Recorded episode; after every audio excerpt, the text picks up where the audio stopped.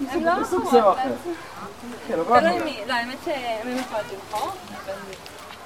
Ved Lange Linje i København er der en lille skulptur af en lille havfrue. Det er en lille, nærmest undselig skulptur, pæn og dekorativ. Mærkværdigvis er den en stor turistattraktion. Det skyldes nok ikke udelukkende, at det er en pæn skulptur, der ligger pænt, men at det ikke er bare en tilfældig lille havfrue, men snarere den lille havfrue fra H.C. Andersens verdensberømte eventyr. Eventyret blev udgivet tilbage i 1837. Det har siden været udgivet som ballet og en Disney-version og meget andet. I 1909 blev den lille havfrue sat op som ballet. Altså eventyret om den lille havfrue blev sat op som ballet på det kongelige teater. Øh, og Ellen Prise dansede hovedrollen som den lille havfrue. Det så brygger Karl Jacobsen, det er ham med Carlsberg. Han blev meget betaget af figuren, og han bestilte en skulptur hos Edvard Eriksen, som kunne lave den slags skulptur. Balletdanseren ville ikke sidde en øjenmodel, så det gjorde kunstnerens hustru, Eline Eriksen, i stedet. Skulpturen blev færdig. Karl Jacobsen betalte Eriksen og forærede skulpturen til Københavns Kommune.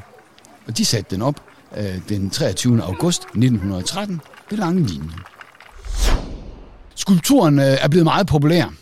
Den har også været i Shanghai på en verdensudstilling. I Kina er H.C. Andersen meget kendt og populær. Den lille havfrue har været udsat for forskellige mere eller mindre spektakulære ting. Øh, for eksempel har figuren fået savet hovedet af. Mm, og for ikke så længe siden øh, fik den lille havfrue mundbind på. Alt dette er jo interessant og glemrende, men i vores sammenhæng er det interessante, at denne skulptur, der er blevet til en form for national klinode, er undergivet ophavsret.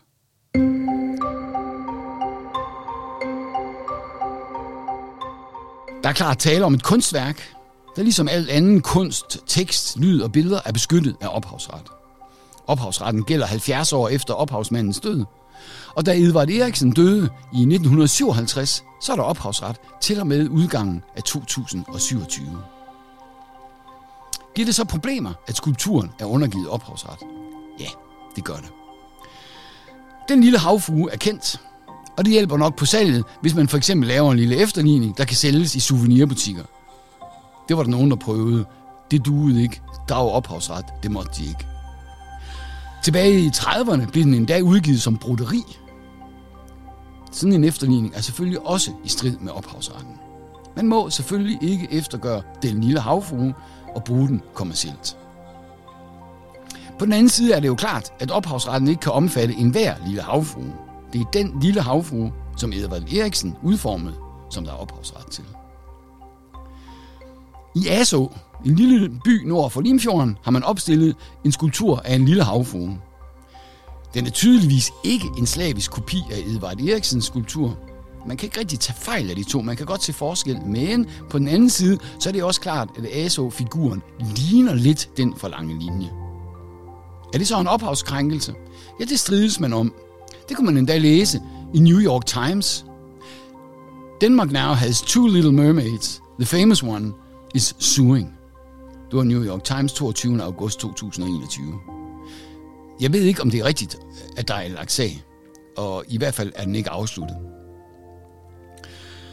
Et andet problem, der kan opstå, er, at den lille havfrue nærmest er blevet et nationalt klenode. Et ikon, der kan siges at repræsentere det danske. Lille og undselig, men kendt og efterspurgt i den store verden. Lige præcis på mundbind, som jeg også har redegjort for, så er det jo en af de punkter, hvor vi faktisk er blevet klogere. Den 22. april 2020 bragte Berlingske en artikel øh, om stillingtagen til mundbind. Det var i coronatiden. Øh, artiklen blev illustreret med den lille havfrue med mundbind på. Altså, der var nogen, der havde givet den lille havfrue mundbind på, og så var der nogen, der havde fotograferet det og solgt billedet til Berlingske. Og det brugte Berlingske så i, øh, som illustration til en artikel om, hvordan, hvad er det, vi synes om at gå med mundbind. Det skal understreges, at et fotografi af en skulptur selvfølgelig også er omfattet af ophavsretten, ligesom for eksempel et broderi er. Altså det at omformulere noget fra en, fra en, en tredimensionel til todimensionel, det er stadigvæk øh, omfattet af ophavsretten. Men her kunne man så indvende, men her er den lille havfru jo ikke brugt som kunst, øh, eller som noget, man, man skal sælge, men som et national klinodie. Vi går alle sammen rundt med mundbind i coronatiden, og det gør selvfølgelig også den lille havfrue.